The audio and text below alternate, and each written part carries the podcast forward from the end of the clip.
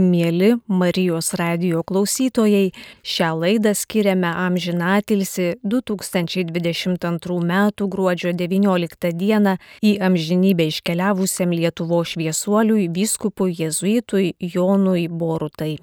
Laidos pradžioje pasiklausykime telšių vyskupo emerito daktaro Jono Algymanto Borutos gyvenimo aprašymo.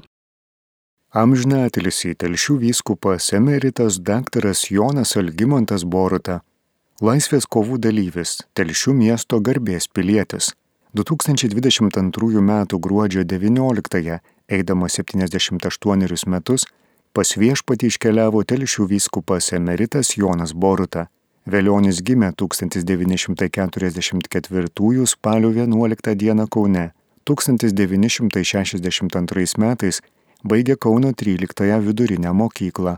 Bandė stoti į Kauno kunigų seminariją, bet sovietų valdžiai neįtiko jo kilmė, dėl kurios ir nebuvo priimtas. Tais pačiais metais įstojo Vilniaus universiteto fizikos ir matematikos fakultetą.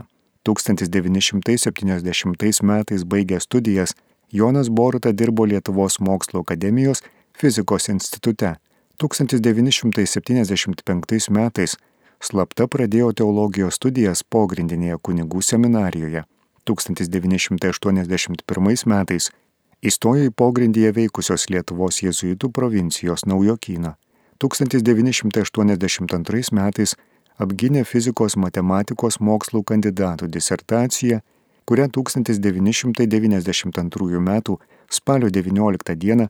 nostrifikavo Lietuvos mokslo taryba, Jonui Borutai suteikdama gamtos mokslų daktaro laipsnį. 1982 metais rūpiučio 5 dieną Skaistgirio Švento Jurgio bažnyčioje vyskupas Julijonas Steponavičius slapta jam suteikė kunigystę šventimus. Tais pačiais metais Jonas Boruta išvažiavo į Chmelnitskį Ukrainoje, ten dirbusiam kunigu jėzuitai Vytautui Merkiui padėti Sielovadoje, bet po kelių mėnesių buvo priverstas grįžti į Lietuvą. Pogrindyje palaikė plačius ryšius su dvasininkais, ugdė seminaristus jėzuitus, vedė rekolekcijas įvairiose Lietuvos parapijose, taip pat vienuolėms ir kunigams. Suėmus pirmąjį Lietuvos katalikų bažnyčios kronikos redaktorių kunigą Sigitą Tamkevičių 1983-1989 metais buvo šio leidinio vyriausiasis redaktorius. Per tą laiką parengtas ir išleistas 21 šios svarbaus leidinio numeris. 1983 1989 metais kunigas Jonas Boruta buvo vienas iš seserų vienuolių teologijos ir katechetikos slaptųjų kursų vadovų. Nuo 1989 metų Vilniaus arkiviskupijos katechetikos komisijos, vėliau centro narys, neakivaizdinės katechetų mokyklos prie Vytauto didžiojo universiteto teologijos fakulteto Vilniaus skyriaus dėstytojas bei globėjas, o nuo 1996 šios skyriaus direktorius. 1989 birželio 2 davė iškilmingosius paskutiniuosius įžadus Jėzaus draugijoje ir jos generalinio vyresniojo Peterio Hanso Kolfenbacho paskirtas Lietuvos ir Latvijos jėzuitų provincijos vyresniuoju provincijolu. Pasibaigus provincijolo kadencijai 1995 rūpiučio 22 Jėzaus draugijos generalinis vyresnysis patikėjo šias pareigas dar trejiems metams. Jonui Borutai vadovaujant jėzuitų provincijai, atkurtos Kauno ir Vilniaus jėzuitų gimnazijos, atstatytos Šiaulių, Kauno, Vilniaus jėzuitų bažnyčios, čia vėl atkurta sielovada. Bendra broliai vertino visapusišką jo išsilavinimą, istorinės atminties puoselėjimą, sielovadinį uolumą, domėjimąsi visuomenės gyvenimu, draugišką bendravimą. 1991-2002 metais kunigas Jonas Boruta dėstė Vilniaus kunigų seminarijoje. 1989-1990 metais buvo Vilniaus arkikatedros bazilikos vikaras, o 1990-1997 metais Švento Kazimiero bažnyčios rektorius. 1991 metais atšventinus Vilniaus šventų Jonų bažnyčią, tapo jos prefektu. Taip pat buvo vienas iš religinės muzikos centro prie Švento Kazimiero bažnyčios įkūrėjų, ilgametis ir nuoširdus šioje šventovėje rengiamų sekmadieninių religinės muzikos koncertų globėjas. 1992-2003 metais dėstė bažnyčios istoriją Vilniaus universiteto istorijos fakultete, subūrė, įkvėpė ir globojo burelį jaunų bažnyčios istorijos tyrinėtojų. Entuziastingai domėjosi bažnyčios Lietuvoje istorija, skatino ir rėmė jos tyrinėjimus, pats paskelbė ne vieną straipsnį įvairiais istorijos klausimais. Jonas Boruta buvo vienas iš pagrindinių Lietuvių katalikų mokslo akademijos atkūrimo Lietuvoje iniciatorių ir organizatorių, bei tikras šios akademijos Spiritus Movens, centro valdybos vicepirmininkas 1991-1997 metai, pirmininkas 1997-2006 metai, akademikas nuo 1997 metų. 1997 metais, birželio 21-ąją, konsekruotas tituliniu Vulturaros vyskupu ir paskirtas Vilniaus arkivyskupo auxiliaru. 1997-2002 metais buvo Lietuvos viskupų konferencijos generalinis sekretorius. 2002 sausio 5-ąją popiežius Jonas Paulius II Jono Borotą paskyrė telšių vyskupu. Tų pačių metų sausio 20-ąją vyko vyskupo Jono Borutos ingresas į Telšių viskupijos katedrą. Vyskupas Jonas Boruta 2006 metais įsteigė Žemaičių kalvarijos bazilikos koleginę kapitulą. Jo rūpeščių 2006 metais spalio 8 dieną Žemaičių kalvarijos stebuklingasis švenčiausios mergelės Marijos paveikslas vainikuotas popiežius Benedikto XVI pašventintomis karūnomis o nuo 2008 metų Liepos 2 visoje Lietuvoje švenčiama kaip švenčiausios mergelės Marijos šeimų karalienės liturginė šventė. Telšių Švento Antano paduviečio parapijos dvasininkų ir parapiečių siūlymų Telšių rajono savivaldybės taryba 2010 rūpiučio 31-ąją viskupų Jonui Borutai suteikė Telšių miesto garbės piliečio vardą. Būdamas Telšių vyskupu, Jis organizavo Žemaičių Krikšto 600 metų jubiliejaus minėjimus. 2002-2011 metais buvo Lietuvos viskupų konferencijos liturginės komisijos pirmininkas. 2002-2014 pirmininkavo Lietuvos viskupų konferencijos ekumeninių reikalų tarybai. 2016 metais Lietuvos gyventojų genocido ir rezistencijos tyrimo centras viskupą Joną Bortą pripažino laisvės kovų dalyviu 2017 metais vyskupas Jonas Boruta popiežiui Pranciškui įteikė prašymą atsistatydinti iš telšių vyskupo ordinaro pareigų. Nuo 2017 rugsėjo 18 dienos jis telšių vyskupas emeritas. Apsigyveno Vilniaus, vėliau Kauno jėzuitų namuose. 2002 rudenį persikėlė į Marijampolę švenčiausios mergelės Marijos globos namus. 1992 metais apdovanotas sausio 13-osios atminimo medaliu, 2000-aisiais Lietuvos nepriklausomybės medaliu, o 1998-ais Vyčio kryžiaus ordino komandoro didžiuoju kryžiumi. 2021 metais tapo Laisvės premijos laureatu. Parengė knygą arkivyskupas Teofilius Matuljonis laiškuose ir dokumentuose. Bendradarbiavo katalikiškoje spaudoje, paskelbė straipsnių iš atomo fizikos, atominės spektroskopijos, ir bažnyčios istorijos. Apie Joną Borutą sukurtas dokumentinis filmas Širdis pelenuos. 2014 metais apie save rašė, duok viešpatė man visų savo gyvenimų vienytis su tavo sunaus kančia ir mirtimi, kad būčiau vertas prisikelti naujam gyvenimui. Telšių viskupijos kurijos ir Centrinės Europos jėzuitų provincijos informacija.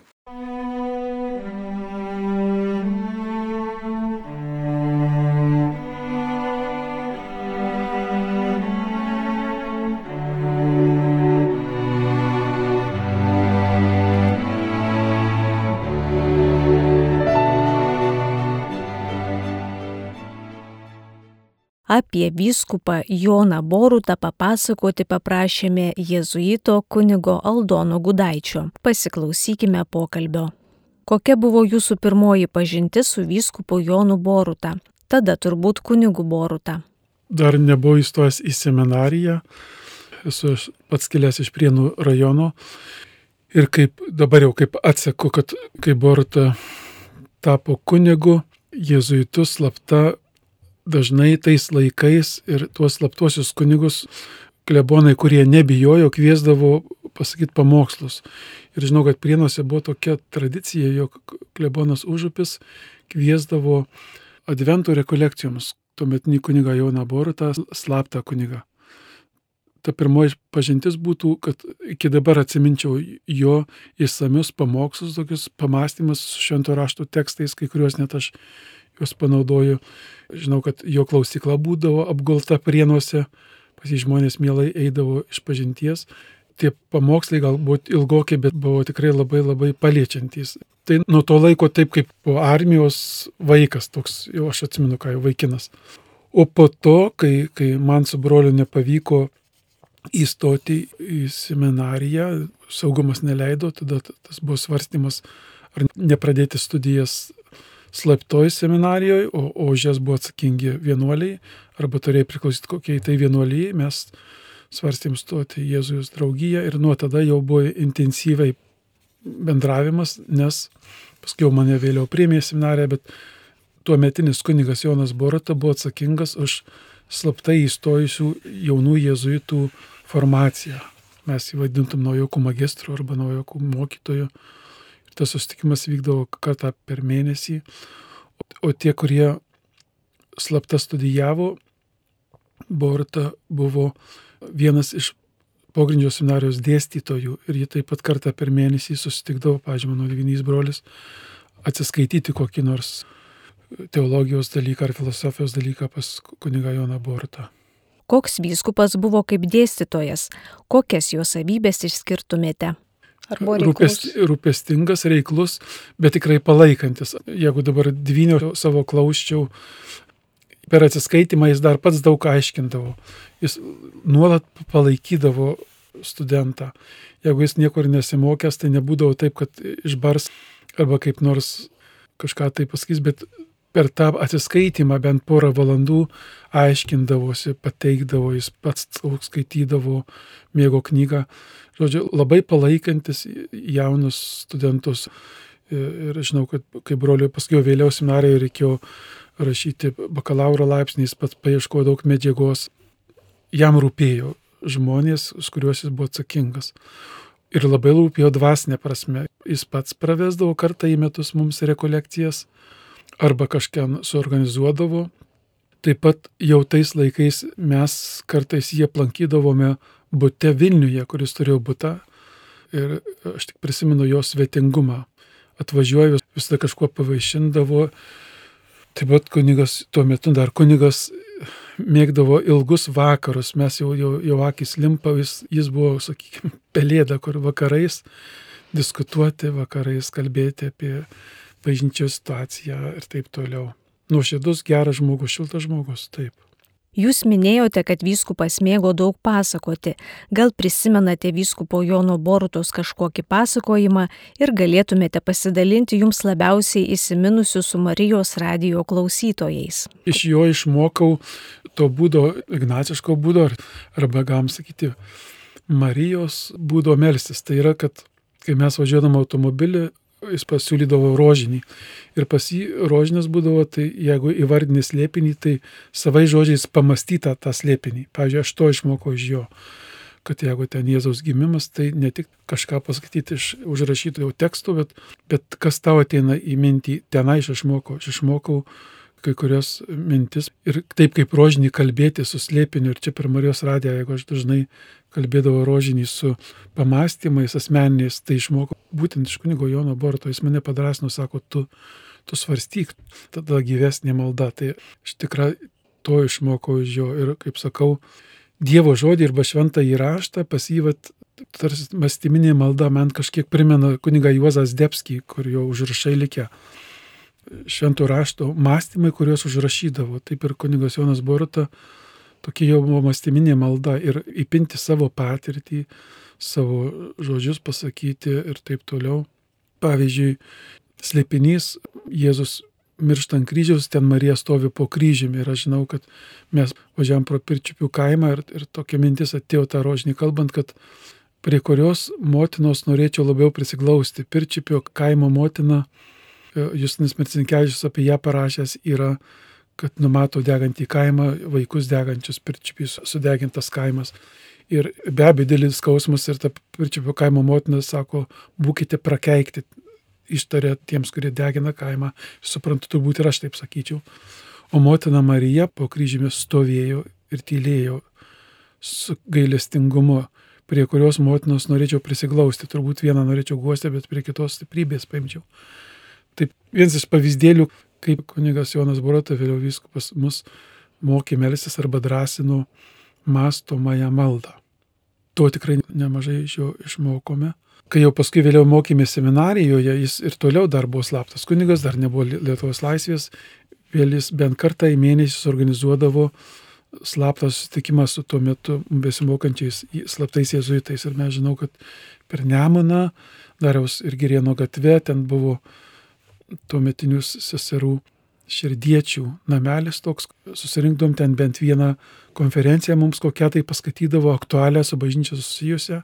Ir vakar jo konkreti meilės visuomet, kažkiek žinau, kad sako, klierikus reikia paremti, nežinau, iš kur jis tų finansų gaudavo, bet duodavo vadinamų litų, ar, ar dar litai nebuvo rubliai, ar ten kaip nors, bet tą kaip toks truputį neturtingas klierikas labai malonu prisiminti, kad ne vien sielai, bet, bet padarindavo klierikams, sako, jums reikia nusipirkti knygą ar taip toliau rūpestis, rūpestis, rūpestis e, studentais. Turbūt visur, kuris buvo vyskupu, jis juos siuntė klierikus, kunigus pastudijuoti.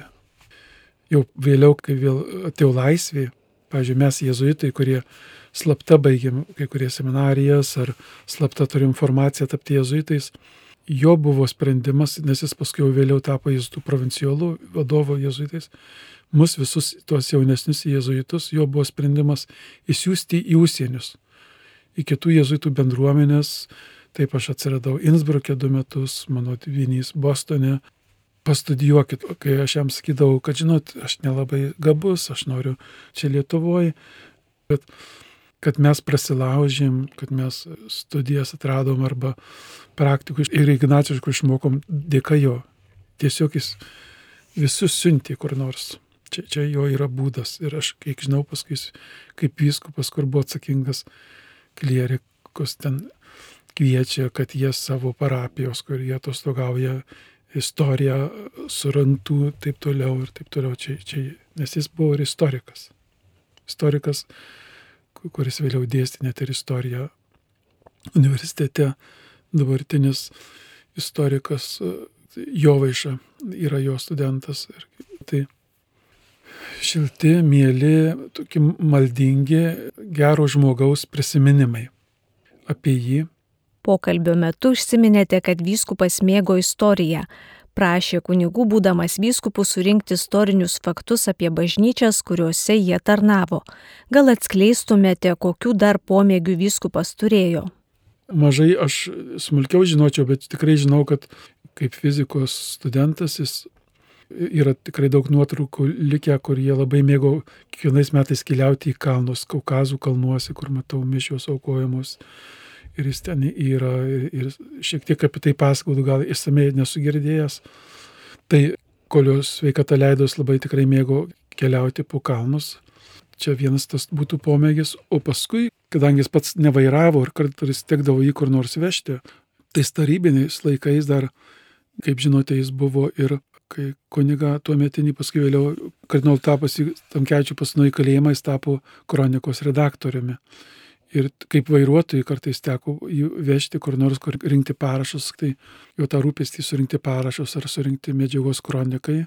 Ir jo pomėgis arba hobis būdavo, tai važiuokim kokiu aplinkeliu, ne dėl to, kad slėptis nuo saugumo, bet ten ar ten važiuodamas sustokim ir papasakok kokią tai istorinę vietą caro laikų koks nors sukėlėlis palaidotas, nes pas jį istorinė atmintis.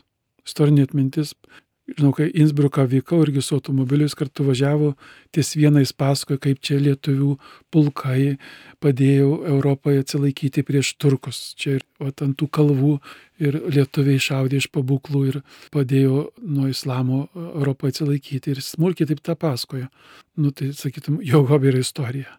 Aš tiesiog domėjausi ir, ir jeigu iš užsienio atvažiuodavo jezuitai, Tai eina su juo per Vilnių ir jis pasakoja, be jokių užrašų. Tiesiog fenomenali atmintis buvo, tikrai istorinė atmintis.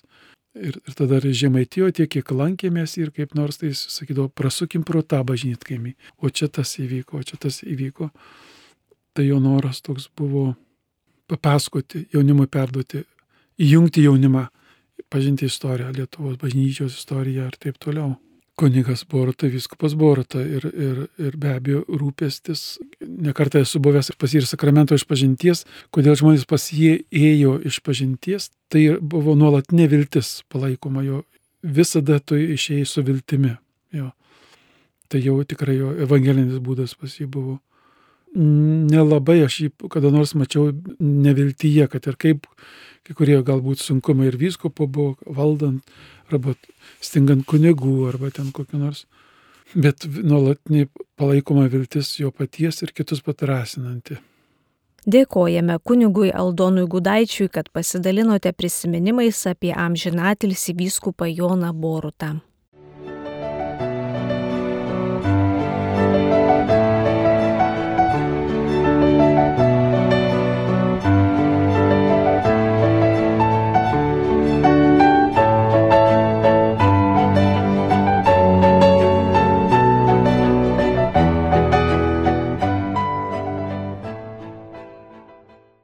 Dabar kviečiame pasiklausyti paties amžinatilsi vyskupo Jono Borutos rašyto straipsnio 2014 metais spausdinto žurnale Laiškai bičiuliams, kuriame vyskupas prisimena savo kelią į kunigystę bei Jėzaus draugiją. Skaito Tomas Ladiga. Noras tapti kunigu. Apie kunigystę svajojau nuo mažens, bet baigus vidurinę mokyklą tapti kunigu sutrukdė sovietinė valdžia su kunigu Broniumi Strasdu iš Panevežio viskupijos apsilankėme Kauno kunigų seminarijoje ir prefektų teiravomės apie galimybę būti primtam į kunigų seminariją. Jis žadėjo pasiklausti religinių kultų reikalų tarybos įstaigoje. Tačiau kai sužinojo, kokia mano pavardė, mat mano tėvelis Jonas, inžinierius, rašytojo Kazio Borutos brolis, dalyvavo bendrojo demokratinio pasipriešinimo sąjūdyje, buvo to sąjūdžio prezidiumo narys 1947-98 metais pirmininkas kartu su kitais intelektualais talkino partizanams ir 1948-56 metais kalėjo lageryje, atsakė, kad dėl tokios kilmės čia jokių būdų negalėsiu mokytis, nebent bandyčiau Rygos seminarijoje. Bet kol mane ten priims, reikėtų gal dešimties metų kur nors Latvijos kolūkėje dirbti. Ir tai vargu ar pavyktų, o jei ir pavyktų, baigus kunigų seminariją, tektų kunigauti Latvijoje, o ne Lietuvoje. Reikėjo galvoti, kur stoti. Iš humanistinių paskatų svarščiau apie mediciną, bet trikdė kraujo vaizdas. Viliojo istorijos studijos, bet žinojau, kad jos bus suvetizuotos, tad pasirinkau fiziką. Tačiau mintis apie kunigystę nepleido kunigas Bronius Strasdas supažindino su tėvais jėzuitais Pranciškumi Masilioniu ir Jonu Lauriūnu. Jėzuitai mane domino ir anksčiau, gal labiau iš istorinės pusės, imponavo, kaip jie reiškėsi pasaulio Lietuvos istorijoje. Jeigu nebūtų reikėję studijuoti sovietizuotos istorijos, turbūt iš karto būčiau į ją pasinėręs. Vėliau jezuitai suvedė su savo provincijolu Jonu Danylą. Sužinojau, kad per Jėzaus draugiją veikusią pogrindyje galima siekti ir kunigystės.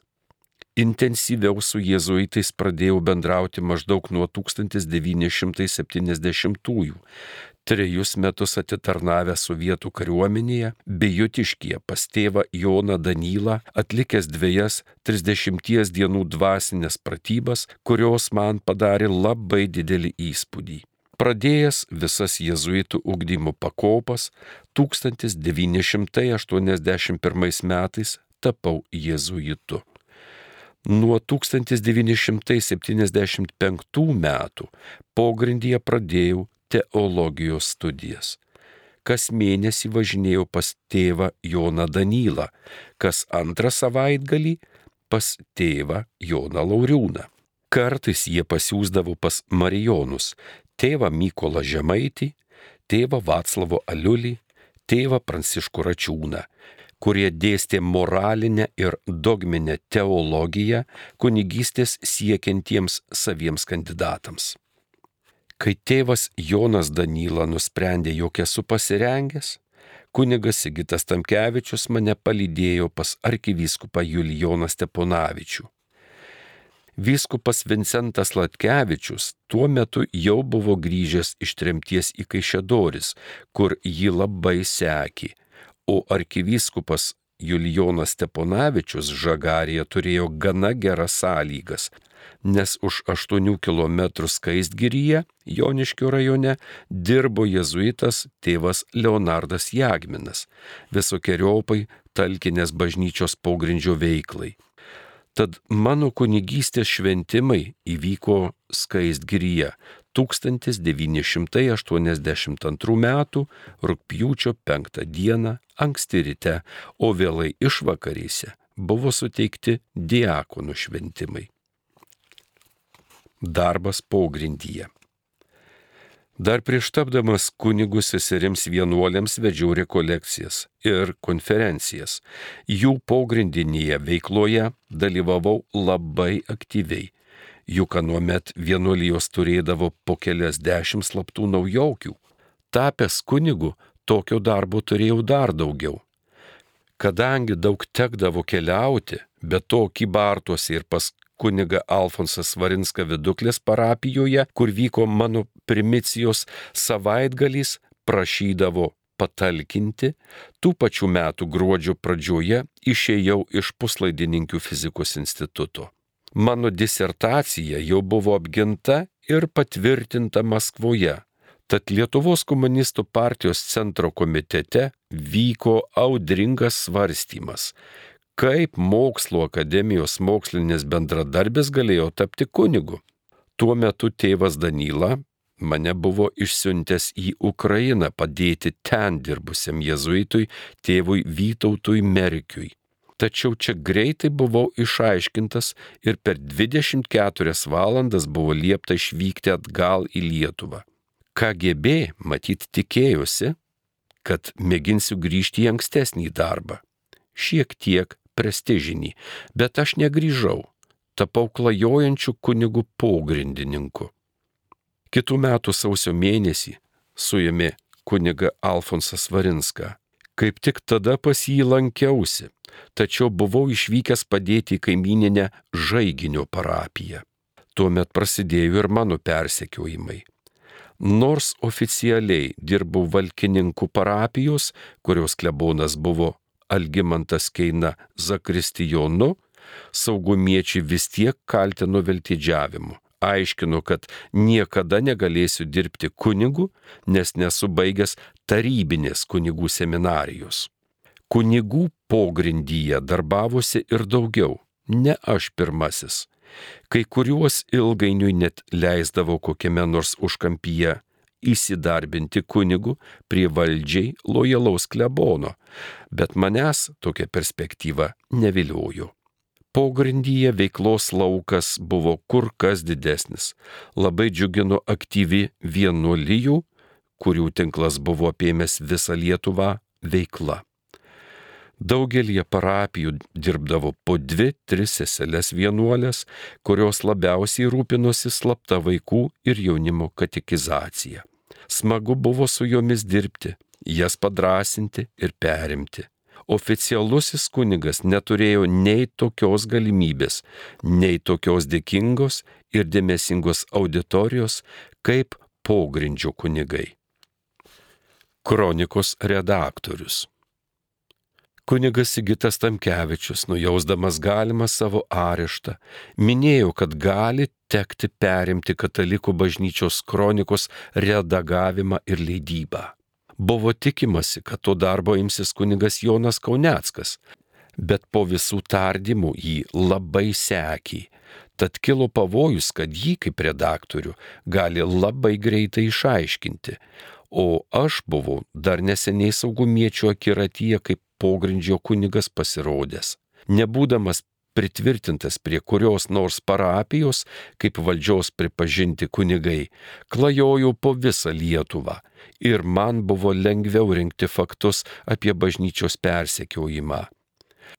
Atvykdavau į Kauną ar į Kibartus pas šventos šeimos seseris arba seseles Eucharistietes, kur būdavo ir iš kitų šaltinių sukaupta medžiagos kronikai, viską perskaitydavau ir sudėliodavau naują numerį. Kai kybartų seserys atspausdindavo, važiuodavau bent kartą per mėnesį pas vyskupą Julijoną Steponavičių Žagarę, nuveždavau parengtą numerį, buvo svarbu turėti bažnyčios aprobavimą. Jeigu reikėdavo, keisdavome numerio medžiagą pagal vyskupo nurodymus. Kai jis patvirtindavo, fotografuodavome ir ieškodavome, kaip perduoti negatyvą į užsienį. Man kaip redaktoriui labai padėjo sesuo Elena Šuliauskaitė. Kibartų seserys buvo ne tik labai drąsios ir atsidavusios, bet ir gerai išmanė visą leidinio parengimo eigą, rūpindavosi numerio spausdinimu ir perdavimu patikimiems kronikos perrašinėtojams ir platintojams. Visi žinojome apie KGB susidorojimo metodus su partizanais, kitais pogrindžio kovotojais. Tad supratome, kas laukia mūsų, jeigu būsime išaiškinti. Bet buvo ir tam tikros romantikos. Drąsindavome vieni kitus, kad viešpats Jėzus ne tik rizikavo, kentėjo, tuo ir mums pavyzdį parodydamas.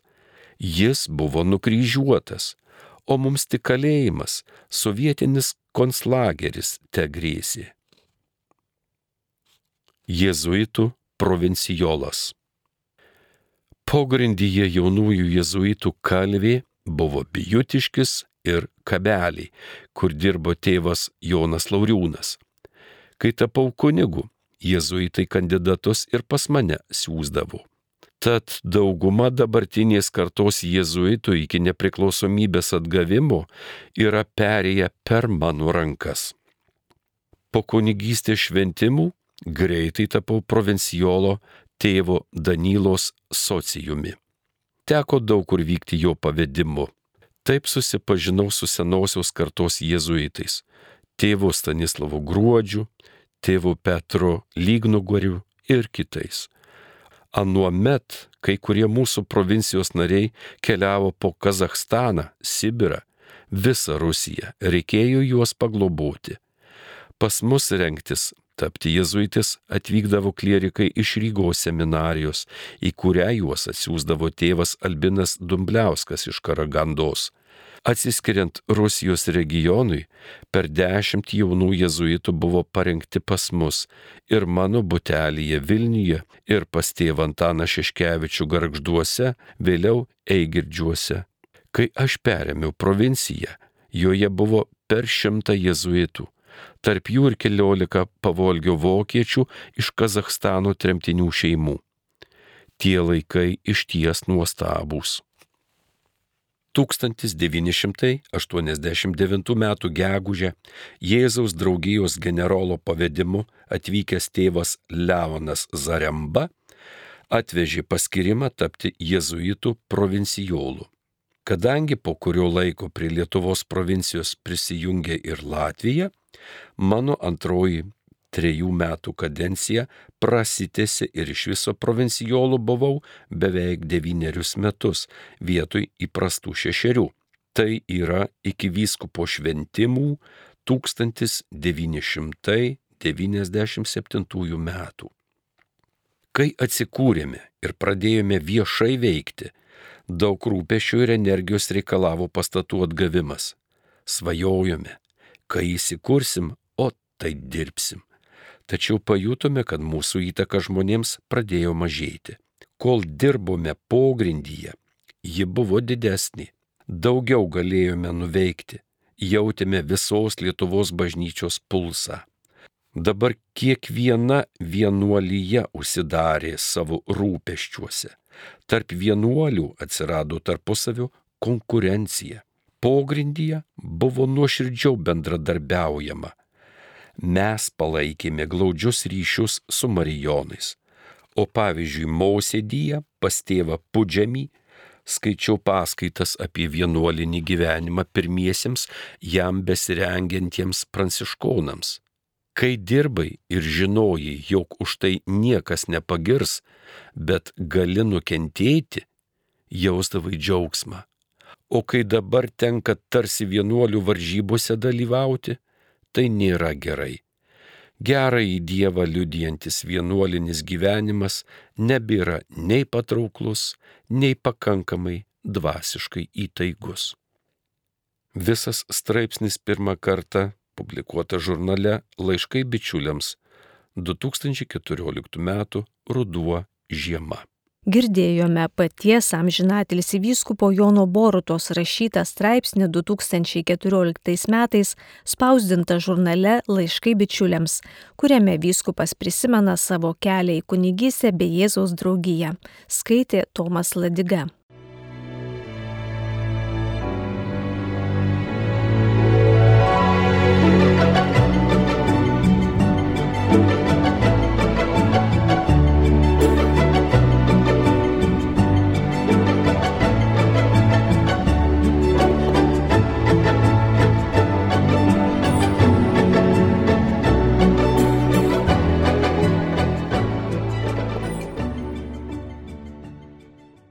Apie vyskupą Joną Borutą prisiminimais paprašėme pasidalinti sesers Bernadetos Mališkaitės, kuri bendradarbiavo su tuo metu kunigu Jonu Borutą leidžiant kroniką, kai kunigas Sigitas Tamkevičius buvo suimtas. Paprašėme jos pasidalinti, koks buvo tuo metu kunigas Jonas Boruta, kaip jį prisimena. Tamkevičius areštą buvo svarstymų, ką pasikviesti iš kunigų kuris galėtų leidiniui parengti įvadus, kaip kuningas jaustų bažnyčios pulsą labiau. Deja, po arešto į tą, kuris buvo kaip ir pramatytas, kreiptis negalėjome, nes saugumas tada jam lipo tiesiog ant kulnų. Todėl, kol sutikome kuningą Joną Bortą, praėjo dar kažkiek laiko. Jei teisingai pamenu, du, tris numeris išėjo dar be jo. Tik vėliau jau sužinojome, kad kunigo Alfonsos Varinsko teismo dienomis tuometinis redaktorius kuningas Kidas Tamkevičius kunigo Jono buvo užklausęs, ar galėtų pagelbėti, jeigu reikės. Tai, žodžiu, mūsų keliai kažkaip susitiko per kitą pusę, bet taip kaip ir turėjo įvykti. Kuningas Borta buvo pogrindžio kunigas ir kaip toks turėjau galimybę daug keliauti po Lietuvą. Klebonai kviesdavo jį, kad pavaduotų, vesti rekolekcijas kviesdavo, o tai pogrindžio darbui pasitarnaudavo, pasitarnaudavo pačiam leidiniui nes tada leidinį galėjo pasiekti įvairesnė medžiaga iš kitų, tokių tolimesnių nei centras Lietuvos regionų. Mūsų visų bendravimą, ypatingai tokius tiesioginius susitikimus, sunkino sekimo sąlygos. To negalėjome daryti laisvai, atvirai, nes niekada nežinojai, kada gali nuvežti vadinamą uodegą. Tai visi laikėmės tam tikros konspiracijos.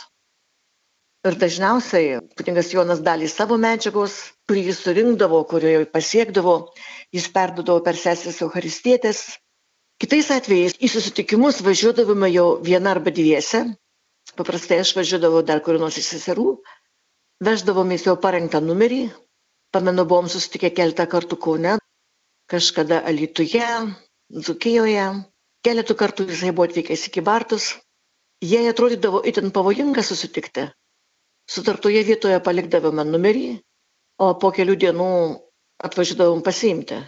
Nes susitikimus visada reikėdavo suderinti, kur arčiau, patogiau, mažiau kels įtarimų.